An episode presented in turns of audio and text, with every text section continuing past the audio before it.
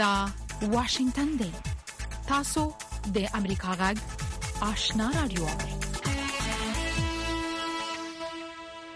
السلام علیکم د امریکا غږ آشنا رادیو ترنو اوریدونکو په دې هیله چې روغ جوړ به زه نذرانه یوسف زیم تاسو د امریکا غږ آشنا رادیو نه زموږ خبری خبرونه اورئ قدرمن اوریدونکو د خبرونې په سر کې پام وکړئ خبرونه ده السلام علیکم درنو اوریدونکو ستړي مشي زه زیبا خادم یم دا د امریکا غږ آشنا رادیو خبرونه ده د نړۍ د دې سات خبرونو ته ساسې پام را اړوم د افغانستان لپاره د امریکا د متحده ایالاتو ځانګړی استازی تامس ویس وایي چې په دوحه کې د بیلابیل خواو سره د افغانستان په حق له خبرې پای ته رسیدلې دي هغه نن په خپل ایکس پاڼه کې لیکلي دي چې د افغانانو د تعلیم او زده کړو مهاجرت او د بشري برسو په حق لې خبرې ګټورې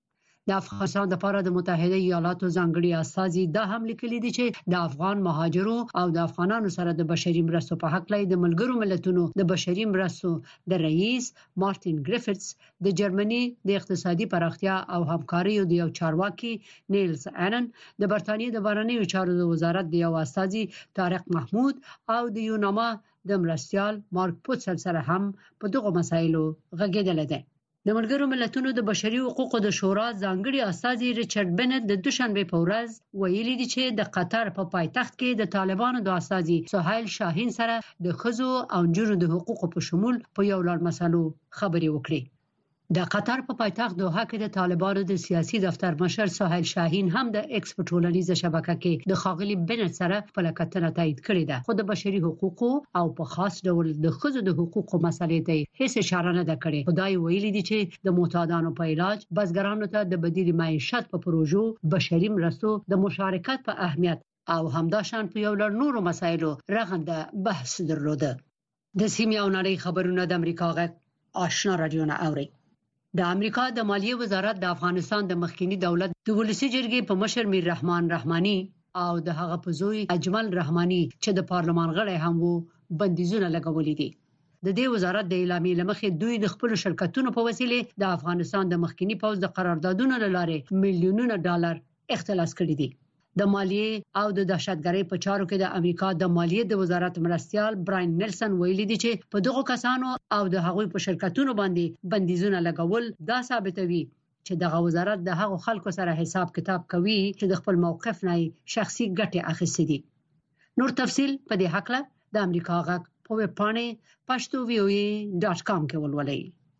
د ملګرو ملتونو د نفوسو د ادارې یو چارواکي ویلي دي چې افغان میرمنې او جنکۍ په افغانستان کې د څو اوږدو بحرانونو له امله کړيږي خو په دې وروستیو میاشتو کې د دوی دغه کړاو به حد زیات شوی دی د آسیا او اوقیانوس د سیمو لپاره د ملګرو ملتونو د وګړو د ادارې سیمایي رئیس پیو سمیت افغانستان ته د خپل 15 ورځنی سفر په پا پای کې د دې ادارې د ایکس په شبکه کې لیکلي دي چې په دغه ملک کې وروستیو زلزلو او د مهاجرو یو دم جبري ستنیدلو د افغان میرمنو او نجونو کړاوونه بیخي زیات کړي دي اروپایي ټولنې د دسمبر په 12مه په یو لړ هغو اصولو موافقه وکړه چې د هغې لمخې د مجرمو کسانو د شتمنیو کنګل کول او ضبطول اسانه کیږي په دې اصولو کې د روسیې او د بلاروس د هغو شتمنیو د تشخیصولو لپاره د ظرفیتونو لوړول هم شامل دي چې په بندیزونو کې پنخه کیږي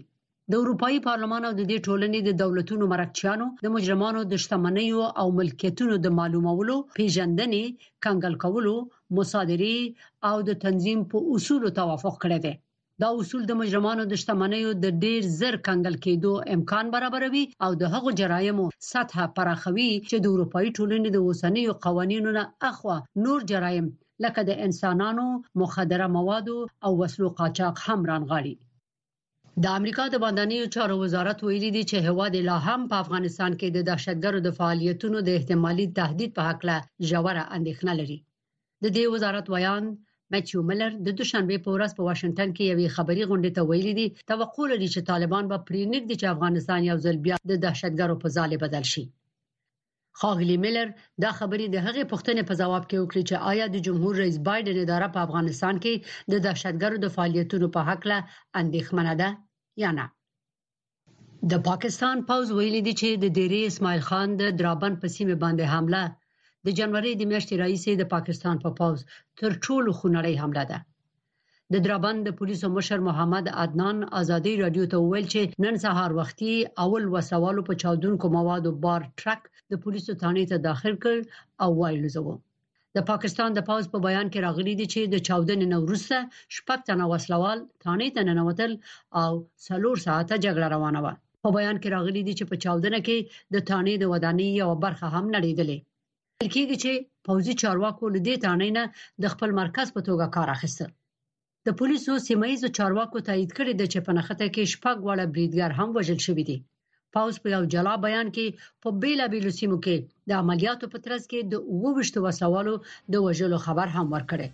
د درابند د پولیسو د تانې مشر ازادي رادیو ته ویلي دي پیښه هغه مهال وشوه چې پاوز د استخباراتي معلوماتو د ترلاسه کولو وروسته غوښتل په سیمه کې عملیات وکړي د امریکا غږشنا رادیو ترنو اوریدونکو تاسو خبرونه واوریدل په موکړی زمونږ د خبرونې لومړی رپورت ده د طالبانو د حکومت د صنعت او سوداګرۍ وزارت وایي چې د روان لمریز کال په اته میاشت کې افغانستان نه بهرنیو هوادونو ته د یو سل وسل ویخو میلیون ډالر په ارزښت وچه او تازه میوه صادره شوې ده په موکړی د اکرام شنواری رپورت ده د طالبانو د حکومت د صنعت او سوداګرۍ وزارت وایي چې د روان 1402 لمریز کال په اتو میاشتو کې د افغانستان څخه د وچ او تازه میوو صادرات یو سل او سلويخ میلیون ډالر ته رسیدلي د دغه وزارت وایند اخوندزاده عبدالسلام جواد خبريالان ته په وسولي ویډیو پیغام کې ویلي چې د میوو صادرات تر ډیره پاکستان او هندستان ته شوي بهترین میوه های صادر شده انار، سیب، انګور، انار او ربات، زمینی،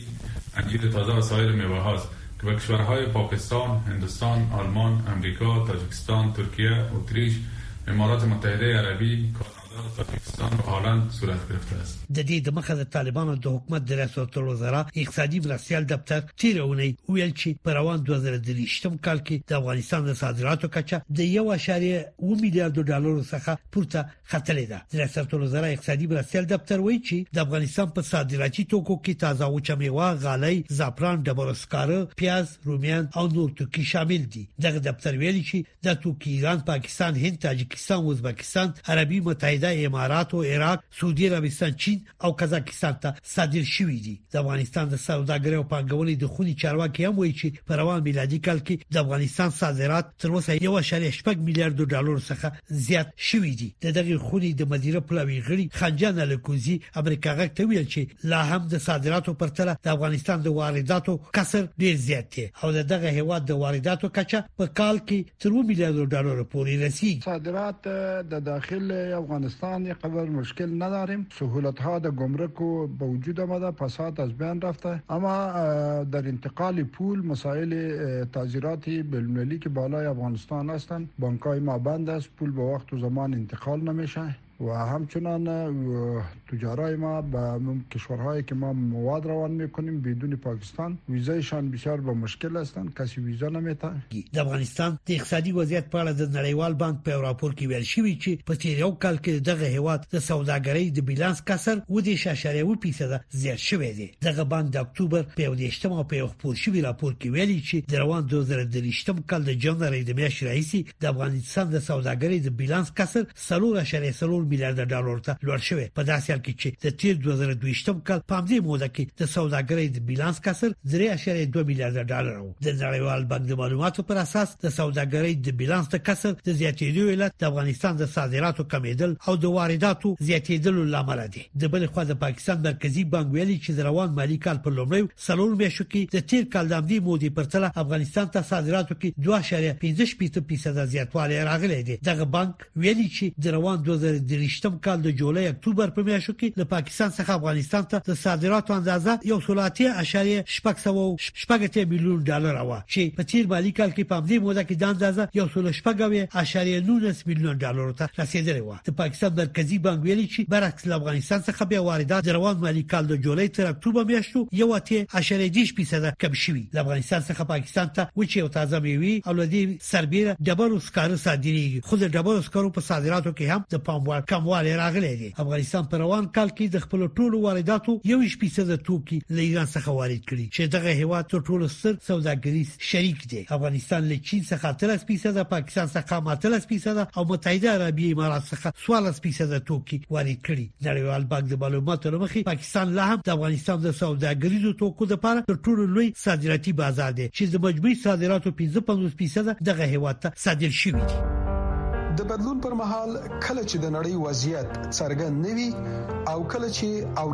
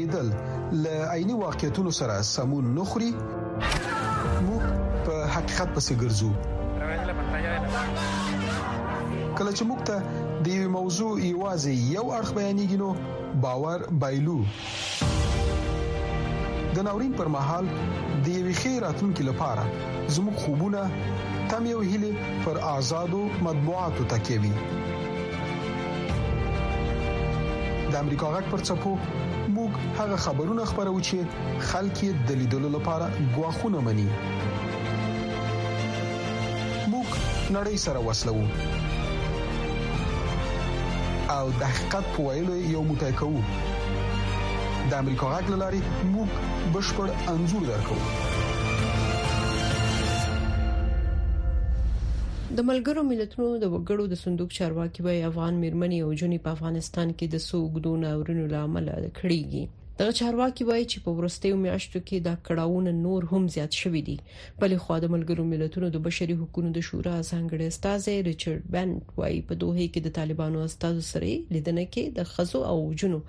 د حقوقو د طالبانو د زندان نه د بشري حقوقو د مدافعانو د خوشی کېدو او د طالبانو لخوا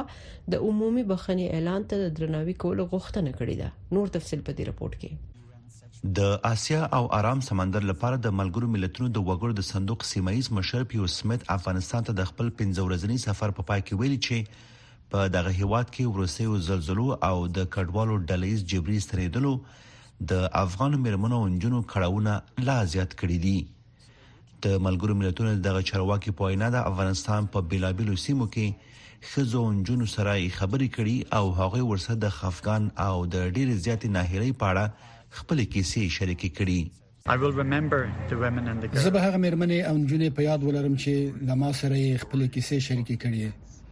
یو شمیر یې د ځان وژنې احساس کوي ځکه چې راتلونکي ته هیله او امید یې له لاسه ورکړی دی. د ملګرو ملتونو دغه جګپوړي چارواکي په داسې حال کې افغانستان ته د نړیوال ټولنې د پاملرنې د اړولو غوښتنه کړې چې د دوه زره یوویشت کال د اګست د میاشتې وروسته دغه هیواد سره د نړیوال ټولنې مرستې ډېرې کمې شوې دي.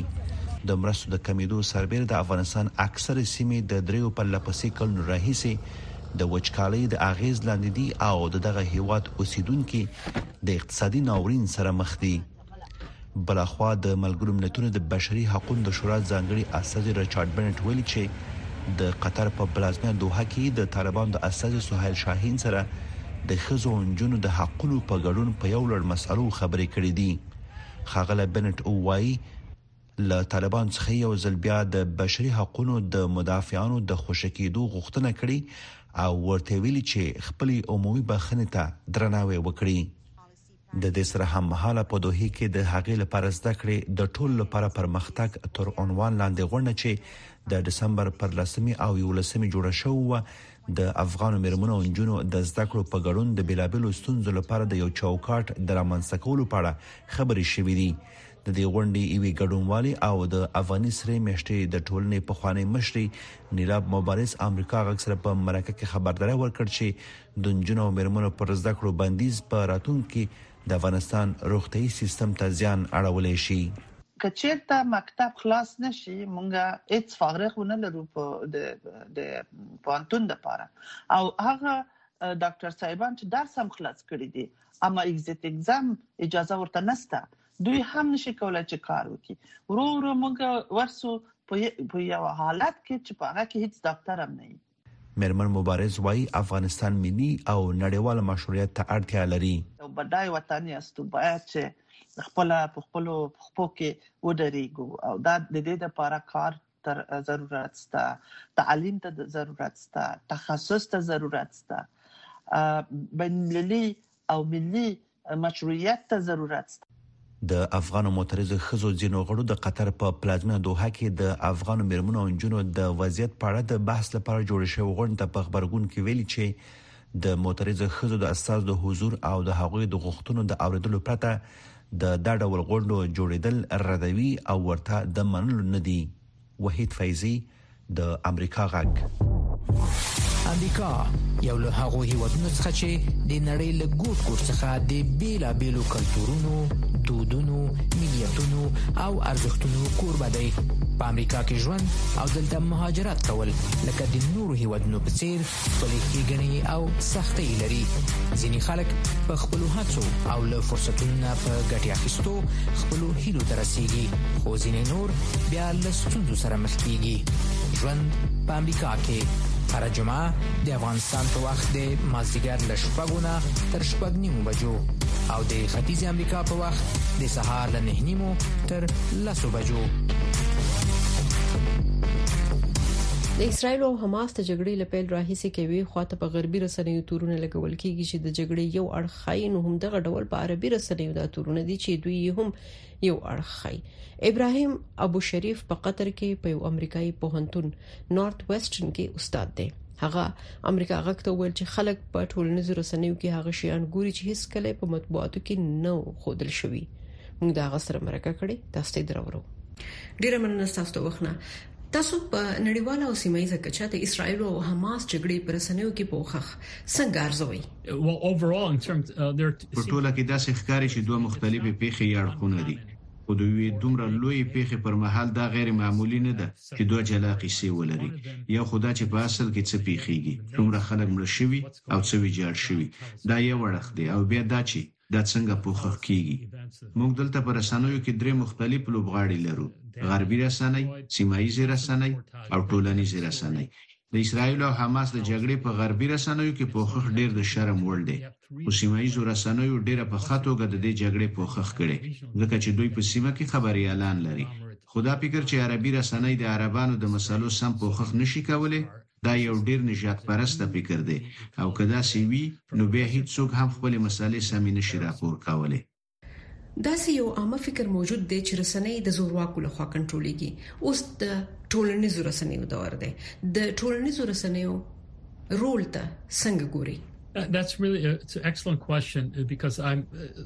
دا واقعاً یوه ښه پوښتنه ده، ځکه چې ټولنیزو رسنیو ته په وروستیو کې، لږ تر لږه د عربو پسرلي راهیسې، ډېر پام شوی دی. دا هغه وخت و، چې په لومړي ځل د ټولنیزو رسنیو ځواک او کارولو ته په نړیواله کچه پام وشو. د عربو پسرلي مشهور او منظم لاریونونه د ټولنیزو رسنیو له لارې خپاره شوي وو. دا غورځنګ د ټولنیزو رسنیو له لارې پیل شو. دا رښتیا ده چې خلک په ټولنیزو رسنیو کې هغه شیان ګوري چې هیڅکله په نورو رسنیو کې نه وي ښکاره شوي. دا یوه مخالفه بیانیه جوړوي او دا د عادي رسنیو کنټرول بې ثباته کوي. دا ډیره مهمه ده. بې له کومه شکه چې په ټولنیزو رسنیو ځینې دروغ خبرونه او داسې شیان خپریږي خو د غزې په جګړه کې موږ ولیدل چې ټولنیزو رسنیو یو توازن رامنځته کړ او عادي رسنۍ دا له پامه نشي غورځولی تاسو وایئ چې په ټوله کې رسنیو خرول نه دی روبوله مګر په ټولنیزو رسنیو هم داسې تورونه موجود دي چې دوی ډېر درو خبرونه او ویډیوګانې خبروي خو بیا هم یو لوی شمیر خلک شته چې په ټولنیزو رسنیو تکیه کوي تاسو څه فکر کوئ چې دا به په عادي رسنیو باندې څه ډول اغیز وکړي آیا عادي رسنۍ د ټولنیزو رسنیو مقابله کولای شي They have no choice but to cope with it. I mean, and what, what پرته له دې چې دوی مقابله وکړي بل چاره نه لري هغه څه چې غربي رسنۍ باید وکړي هغه دا چې باید په خپل پوښښ ساحه پراخه کړي. داسې ښکاري چې دوی ته دا ستونزمنه ده چې د تېرو پنځه اویا کلونو د اشغال په اړه خبرې وکړي. د دې پر ځای چې دوی یوازې په یو اړخیز تاوتریخوالي باندې تمرکز وکړي، دوی باید ټولې خواوې شاملې کړي. په کار ده چې د فلسطینیانو رایې هم وړاندې کړي، چې کله د یوې شخړې ټولو خواوو ته دا موقع ورکړل شي چې هغوی خپل نظرونه ورکړي، نو بیا به کتونکي خپله پرېکړه په خپله کوي او همدا روښان فکره ولسونه کوي. تاسو چې کله یو اړخ ښکاره کوئ، دا په بشپړه توګه روڼتیا نه ده، دا پروپاګند دی. اسراییلي چارواکي بهرني خبریالانو ته غزې ته د ننوتو اجازه نه ورکوي. هلته ډېره لویه تباهي رامنځته شوې. ملګرو ملتونو خبرداری ورکړی، خو دا ناممکنه ده چې دا ویجاړتیا د نړۍ نه پټه کړل شي. تاسو په غربي رسنیو نیوکې کوئ، خو ازادې رسنۍ د دیموکراسۍ د بنسټیزو ځانګړتیاوو څخه ده. هغه هېوادونه لکه قطر چې دیموکراسي نه لري، څه فکر کوي دغه ډول استبدادي دولتونه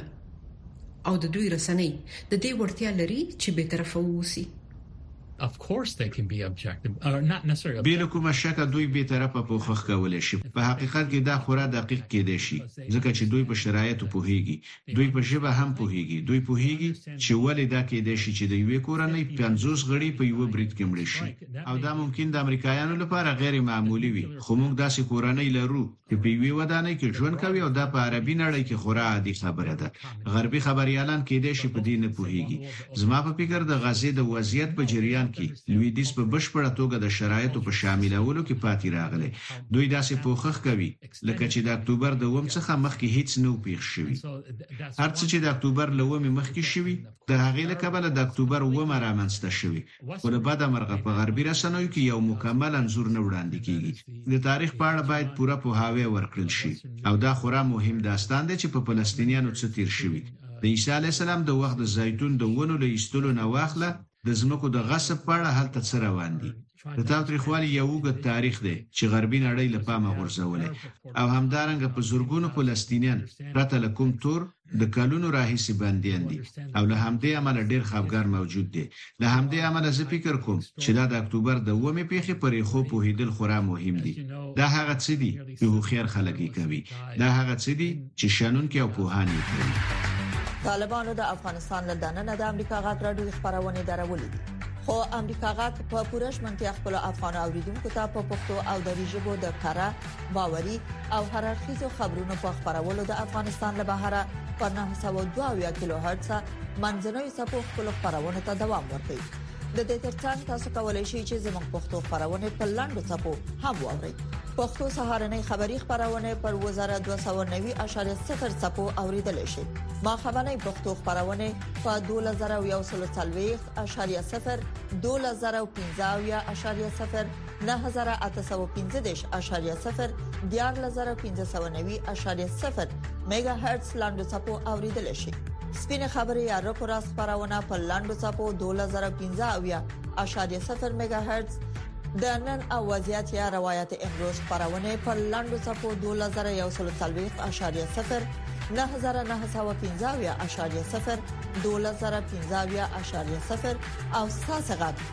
یا صداي شما خبرونه پر لاندو صفو 2513.0 9315 میگا هرتز اوریدل شي د امریکا او چین ترمنځ د لړزاند اړیکو کال د دوه هیوادونو د مشرانو ترمنځ په سان فرانسیسکو کې د آسیا او آرام سمندر د سرمشريزه په سند کې په لیدنه سره پای ته ورسید په دغه سرمشريزه کې د چین ولسمشر شي جینګ پینګ د امریکا ولسمشر ته ویل چې تایوان د دوه هیوادونو په اړیکو کې تر ټولو حساسه موضوع ده نور تفصيل په دې رپورت کې تیره میاشت د اسیا او ارام سمندر د سرمشریزې په څنډه کې د امریکا او چین ولسمشرانو څلور ساعته مخامخ ملاقات وکړ دواړه ولسمشرانو د چین او امریکا د ناسمو محاسبو د مخنیوي لپاره د دواړو هیوادونو د پوځونو ترمنځ پر دوامدار تماس او امریکا ته د فنټانیل د لیږلو د ستونزې پر حلولو خبرې وکړې. د تایوان په ټاپو کې د سولې او ثبات یقیني کول د دواړو ولسمشرانو د خبرو د موضوع په سر کې و. د چین د ژمنو سره سره دغه هیواد د تایوان ټاپو ته نژدې پارونکې چارې ترسره کوي. د امریکا ولسمشر بایډن د چین له ولسمشر سره له خبرو وروسته خبریالانو ته ویلي چې دی د ولسمشر شي پر خبرو باور کوي خو هغه څه چې د چين ولسمشر ورته په غونډه کې ويلي د هغو دقت هم معلوموي. ما دا خبره په روښانه ډول وکړه چې امریکا د چین لخوا په تایوان کې د هر ډول لاسوهنې مخالفه ده او لغونډې د ولسمشر د تللو پر مهال ما هغه ته وویل چې آیا زه باور کوم ما ورته وویل چې لکه چې هغه متل دی زه باور کوم خو زه یې ثبوتوم هم د چين کمونست ګوند پر تايوان حکومت نه دی کړی، خو چينايان د تايوان پر خاوره د حاکميت د حق دعوه کوي. وروسته له هغه چې په نولس سوه نهه څلوېښت کې ماو چين ملتپالو ته ماتې ورکړه، پر تايوان چينايي ملتپال حکومت کوي. چين په زور د تايوان د لاندې کولو خبرې کوي. د تايوان امنيت له دې سره چې د ټاپو بل لوري ته د سوله ييزو اړيکو پر پرمختګونو ولاړ دی، نه د امريکا له خوا د جوړو شويو څو ميله وسلو، له هغه وخته چې په نولس سوه نهه اویا کال کې واشنګټن د تایوان د حکومت د په رسمیت پېژندلو پر ځای د چین لوري ته مخه کړه، واشنګټن د دواړو لوریو ترمنځ د سیاسي ستونزو پر سوله ییز حل ټینګار کوي. شنونکي وايي چې د دې سره سره چې چین او واشنګټن د دواړو هېوادونو په اړیکو کې د تاوتریخوالي په راکمولو ټینګار کوي، خو د دواړو خواو ترمنځ بنسټیزې ننګونې هم موجود دي. د دې لامل دا دی چې د دواړو هېوادونو ترمنځ د ملي امنیت موضوعات او یا هم نور ننګونکي موضوعات تر اوسه نه دي حل شوي، نه هم موږ تر اوسه له هیڅ لوري بل لوري ته د سر ټیټولو او یا تغیر کومه ستره بیلګه لیدلې. د بیلګې په ډول په دې کې تایوان او هغه څه چې د جنوبي چین په سمندر کې روان دي شامل دي. په دې کې د دواړو هیوادونو سره تړلې د سوداګرۍ اړوند ځینې سترې ستونزې هم شاملې دي. د امریکايي او چینايي ولسمشرانو ترمنځ له ناستې وروسته د تایوان خپلې ارزونې اوسمهال د چین لخوا پر دغه هیواد د یو لوی برید د ترسره کولو احتمال نه ګوري.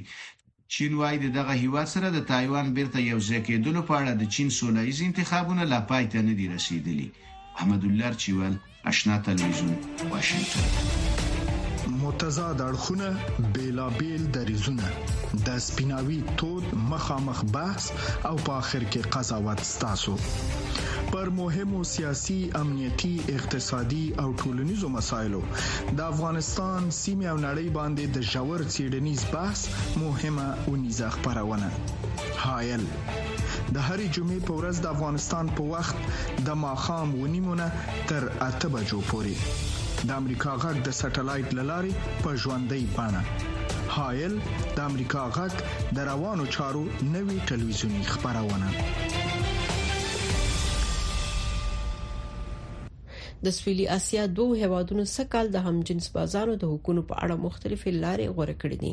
دا په داسې حال کې ده چې کوچنی غرنی نیپال د همجنس بازانو د ودونو د اجازه ورکول په خاطر یو لوی ګام پورته کړی خو په هند کې ستري محکمې د همجنس بازانو د ودونو قانون کولونه انکار کړي نور تفصيل په دې رپورت کې د واده دا سند د نیپال د همجنسبازانو د ټولنې لپاره یو تاریخي پړاو په نښه کوي مایا ګورونګ یو نرښځی دی او سریندر پانډي نیپالي همجنسباز نارینه دی چې د هغه د واده سند رسما په دې غرني هیواد کې راجستر شوی دی uh, دا په جنوبي اسیا کې لومړی ځل دی چې داسې وادونه تر سره کیږي موږ د نیپال د همجنسبازه لګکیو د ټولنې په استازیتوب په دې کار ډیر خوشاله یو د نیپال سترې محکمې د جون په میاشت کې د خپل جنس سره د ودونو یا همجنسبازانو د واده ثبتولو ته اجازه ورکړه. د قوانینو د جوړولو په ترڅ کې ګاونډي هیواد هند هم برعکس لاره غوره کړه. د هند سترې محکمې د همجنسبازانو د ودونو د قانوني کولو غوښتنې رد کړې. دا کار په دې هیواد کې د همجنسبازانو ټولنې ته یو خواشینونکی خبر و. له خنډونو سره سره د هند د همجنسبازانو د ټولنې فعالینو د مساوي حقوقو لپاره خپل کمپاین ګړندی کړی روسه لغه چې محکمې پریکړه وکړه چې د دې مسلې پریکړه په پارلمان پورې اړه لري خو بیا ځنې سیاسي ملاتړ کوي په هند کې د همجنسبازانو حقوقو کې د هر ډول دوامدار بدلون لپاره موږ اړتیا لرو چې د خپل سیاستوالو سره ښکیل شو موږ اړتیا لرو چې دا ترلاسه کړو چې د همجنسبازانو پر حقونو په مقننه قوه، پارلمان او ښاري شوراګانو کې بحث وشي او موږ باید دا ډاډ ترلاسه کړو. خو عجیبه خبره دا ده چې خلک په سړکونو د خپل حق غوښتنه کوي، خو په محکمه کې بیا غلي دي. دا ټولنه د اصلاحاتو او تغییراتو په هکله په ټولنیزو رسنیو کې کمپاین کول غواړي. ټولنیز خوځښتونه د محاکمو له لارې نشي ترسره کېدی. البته د قضیې ګټل د زړونو او ذهنونو ګټلو له لارې اسان دي، خو زموږ څخه ځینې باید د ورځې په اوږدو کې د خلکو منځ ته لاړ شي او هلته زموږ وکالت وکړي. دا ډول غږونه به د هند د همجنسبازانو د ټولنې لپاره په راتلونکي کې د مبارزې لار پرانیزي، کوم چې یوازې 15 کال وړاندې په ښکاره توګه وروسته له هغه راڅرګند شو چې په دې هیواد کې همجنسبازي د اوږدې مودې هلو ځلو وروسته غیر قانوني شوه. غورځنګ د امریکا غږ واشنگټن قدرمنو اوریدونکو تاسو د امریکا غږ آشنا رادیو نه زموږه خبری خبرونه واوریده موږ تاسو نه په دې هیله اجازه غواړو چې خبرونه به اوریدلې وي د خوده په